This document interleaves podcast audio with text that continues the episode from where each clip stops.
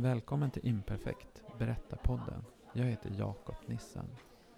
I vår podcast spelar vi favorithistorier från vår berättarscen där människor ställer sig och berättar sanna historier från sina egna liv på scen.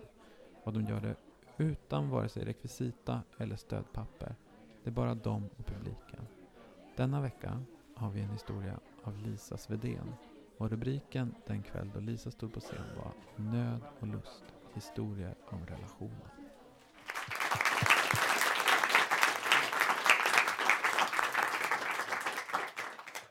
Jag träffade Frida ungefär sådär klockan 10 på kvällen den 22 augusti eh, förra året. Och det här är ett datum och en kväll och en natt som jag tror att jag säkert kommer komma ihåg för resten av mitt liv. Eh, och vi byggde en relation som var otroligt betydelsefull och viktig. Och det låter liksom extremt dramatiskt och töntigt men i det läget så, så la jag mitt liv i hennes händer. Och därför så känns det så himla konstigt att stå här och säga att jag tror inte jag skulle känna igen Frida om jag träffade henne på gatan.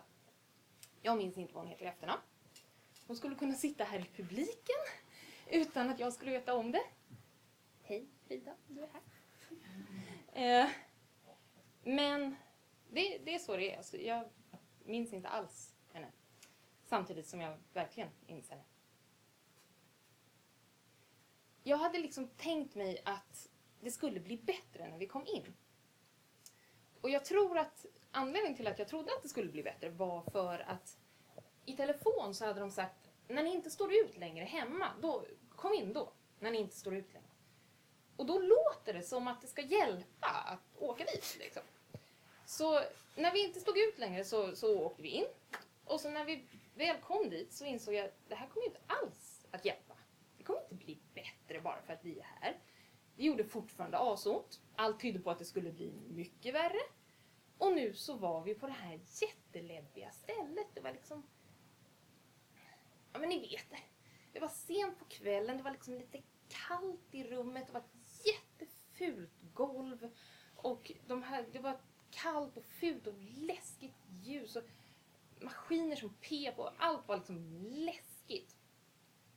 Och jag insåg att det här kommer liksom inte att hjälpa. Det här kommer, det här kommer fortfarande göra asont för den här ungen ska uppenbarligen ut ur mig nu och det verkar inte som att det kommer ske på något annat sätt än på ett sätt som verkligen kommer kännas. Liksom.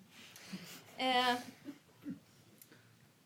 så jag försökte ta till mig det och kände också att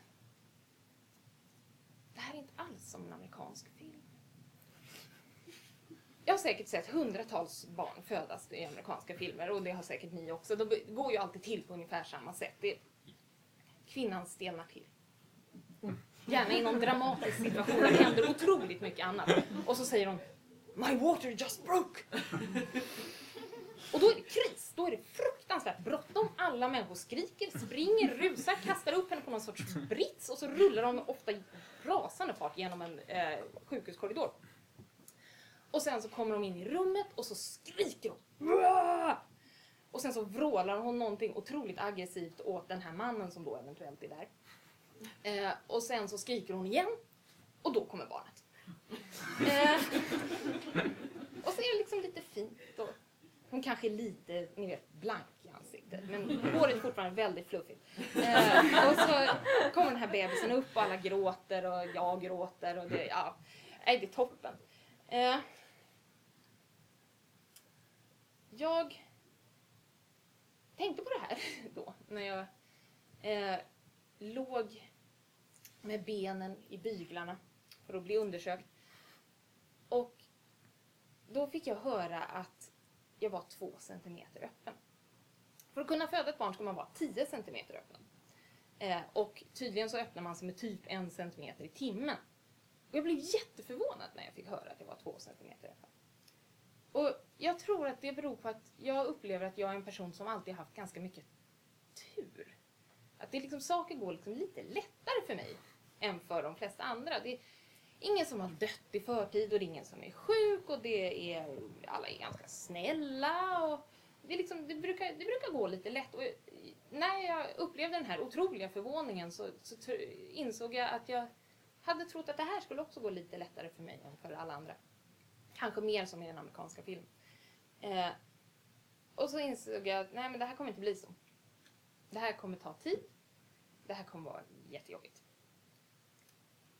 Och... Ja, alltså jag... Hade, hade den här förlossningen varit en film så hade jag aldrig sett den. Det var liksom... Det hade varit åtta timmar. Väldigt långsamt. Mycket, klart det är mycket smärta liksom, men det finns ingen som helst dramatik i det. Utan det är bara man travar på. Då och då kom Frida in och så sa hon hej hur går det, hur känns det? Och så, ja det känns ju skitjobbigt. Ja, ja okej. Hör som en himmel. Ja, vad bra. Så. så vi gör som i filmen, vi, vi klipper till dramatiken direkt. Eh, och dramatiken i en förlossning i verkligheten börjar när man kommer till kryssningsskedet. Och kryssning kan beskrivas i bästa fall eh, lite som att bajsa. Det känns väldigt mycket som det. Liksom. Eh, så det hade plötsligt blivit dags för mig att bajsa ut mitt barn. Eh, och så säger de åt honom att man ska dra upp knäna mot bröstet, att man ska trycka ner hakan och så ska man hålla andan för att liksom ge järnet när man trycker. Så då gjorde jag det. Och så gav jag järnet. Eh, och det var... Det var en otroligt speciell känsla, för jag kände jag kan hålla på hur länge som helst. Och då, alltså, jag hade ju hållit på ganska länge då, redan i den här tråkiga filmen. Eh, och, men jag kände ändå, det tar aldrig slut. Jag kan trycka hur länge som helst. Jag behöver aldrig dra efter andan igen. Utan jag kan bara trycka. Men alltså, det är klart, till slut så tog ju luften slut. Jag var tvungen att dra efter andan. Det, det säger sig själv. Eh, men eh, varje gång det då hände så, så, tittade jag på Frida där hon satt mellan mina ben och tittade. Eh, och så sa jag, hur går det? Rör det på sig? Ser du huvudet än? Och så varje gång så tittade Frida på mig och så sa hon, det går bra. Det går ungefär som man kan vänta sig. Nej, jag ser inte huvudet än. Och så höll vi på där. Liksom, man ska inte krysta för länge och sådär men jag höll på som sjutton i en evighet. Och till slut så sa Frida nej men vi får nog sätta sugklocka. Eh, för att eh, barnet måste vara vridet på ett visst sätt för att det ska kunna glida ut på ett enkelt sätt. Så vi sätter en sugklocka för att vrida rätt huvud. Eh, och fram till dess så hade jag föreställt mig att en, en eh, sugklocka ser ut ungefär som en sån där propplösare gummi, ni vet. Liksom. En sån. Mm. Det gör det inte, tack och lov. Utan det är liksom en ganska sån här liten grej som man fäster på barnets huvud och så, och så drar man liksom lite försiktigt. Eh, och eh, in kom då läkaren som skulle sätta den här sugklockan och, och göra det här ingreppet. Och när hon satte den så hände två saker ungefär samtidigt. Dels så förändrades smärtan. Det var inte längre den här känslan av, av kontroll, av kraft fastän det gjorde så ont, av att jag, jag fixar det här. Utan plötsligt så blev det panik. Det gjorde fruktansvärt ont. Jag kunde inte alls hantera hur ont det gjorde. Och det andra som hände samtidigt var att jag insåg vilken roll Frida hade fått i mitt liv. Och det var att hon var min barnmorska. Hon var den som var där som skulle ta hand om mig. Hon skulle... Hon var den som såg till. Hon fanns där för mig för att, för att hjälpa mig och för att skydda mig och för att ta hand om mig. Och det betydde att när jag låg där och allt plötsligt blev jättehemskt så skrek jag till henne istället för till den här läkaren som uppenbarligen var det som gjorde, den som gjorde det. Så skrek jag, men hon skär ju i mig, alltså läkaren. Hon skär ju i mig. Och så tittade Frida på mig och så sa hon, nej det gör hon inte. Det är okej. Okay. Det är så här det ska vara. Och eftersom Frida sa det så var det sant. Och jag var tvungen att stå ut. Men jag kunde inte göra någonting längre utan jag kunde, jag kunde bara skrika för det gjorde så otroligt ont. Men även detta hade ett slut och det var klart och barnet var rättvänt. Och sugklockan togs loss. Men då var jag liksom slut. Det hade gjort för ont. Nu orkade inte jag mer. Jag, jag hade inget... Jag hade liksom inget kvar att ge längre. Och jag sa ju det. Jag sa det till Frida att jag, jag orkar inte längre. Det här, det här går inte längre. Och hon sa, jo, jo det kommer gå. Du kommer att orka. Och min man som var där, han tog ett liksom fastare tag om min hand och så sög han tag i mig i blicken och sa, nu, nu gör vi det här. Och efter ett par verkar till så kom orken på något sätt tillbaka. Och så hade jag en stund, ett litet ögonblick av klarhet som var väldigt konstigt. Därför att istället för att hela tiden innan så hade det varit en så extremt fysisk upplevelse. Man har så himla ont och det går så många timmar och man vet ingenting och ja, dricker lite saft och då. Eh, men då så, i det ögonblicket så blev jag plötsligt mig själv. Och så tänkte jag, så, eller så kände jag hur stort hålet var. Ni vet lite som man kan känna hur stor ens vidöppna mun är utan att se den. Och samtidigt så tänkte jag på hur stora bebishuvuden brukar vara. Och så insåg jag, det här går inte ihop. Alls! Men det måste det göra. Det finns ingen annan lösning på det här. Det är för sent. Nu måste det funka. Så jag drog väl säkert djupt efter andan och tryckte. Och tryckte och tryckte och tryckte. Och plötsligt så kom huvudet ut. Och det kändes så underligt. Det kändes precis som man skulle föreställa sig att det känns. Det vill säga som en stor boll. Liksom. Man liksom vidgas och så ut. Och så kände jag, gud det måste ha varit huvudet. Och fast jag ju kände att det var det som hade hänt så såg jag, uppen, kände mig helt förvånad och sa till Frida, var det där huvudet? Som ett liksom, spån. Och så här, sa, ja, jo, det, det, det var huvudet. Och det var första gången i hela den här tiden. Jag hade fått min första verk klockan sex morgonen innan och nu var klockan sex på nästa morgon. Så det var ju liksom... Det var en lång period. Eh, och nu var det första gången som smärtan lättade.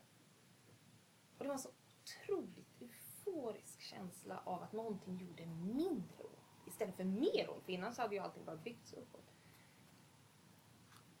Och på något sätt av bara farten, av bara lättnaden över att det gjorde lite mindre ont så krystade jag ut resten av Rasmus i nästa, nästa verk. Han bara rann ur mig på något vis. Och så var det över. Eller, det var det inte alls. Men vi kan, vi kan, vi kan för den amerikanska filmens skull kan vi säga det. Eh, och Frida stannade kvar. Hennes skift hade tagit slut men hon stannade kvar lite extra för att sy ihop mitt stackars trasiga underliv. Eh, och det kändes som att vi båda upplevde att vi hade tagit oss igenom någonting tillsammans. Det var liksom... Natten var slut, det var morgon igen och, och vi hade klarat det. Vi två hade gjort det här. Och nu var det bra igen. Och jag skulle ändå inte känna igen henne. Jag tror att hon var blond. Tack.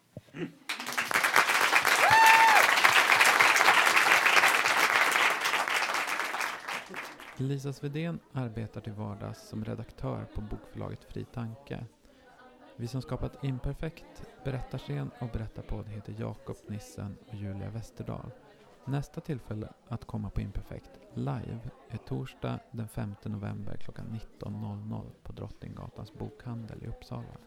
En kväll som har rubriken Återkomsten. Och om du gillat det du hört, kom då eller tipsa dem du känner. Prata om Imperfekt, dela våra evenemang, våra avsnitt eller hela podcasten i sociala medier.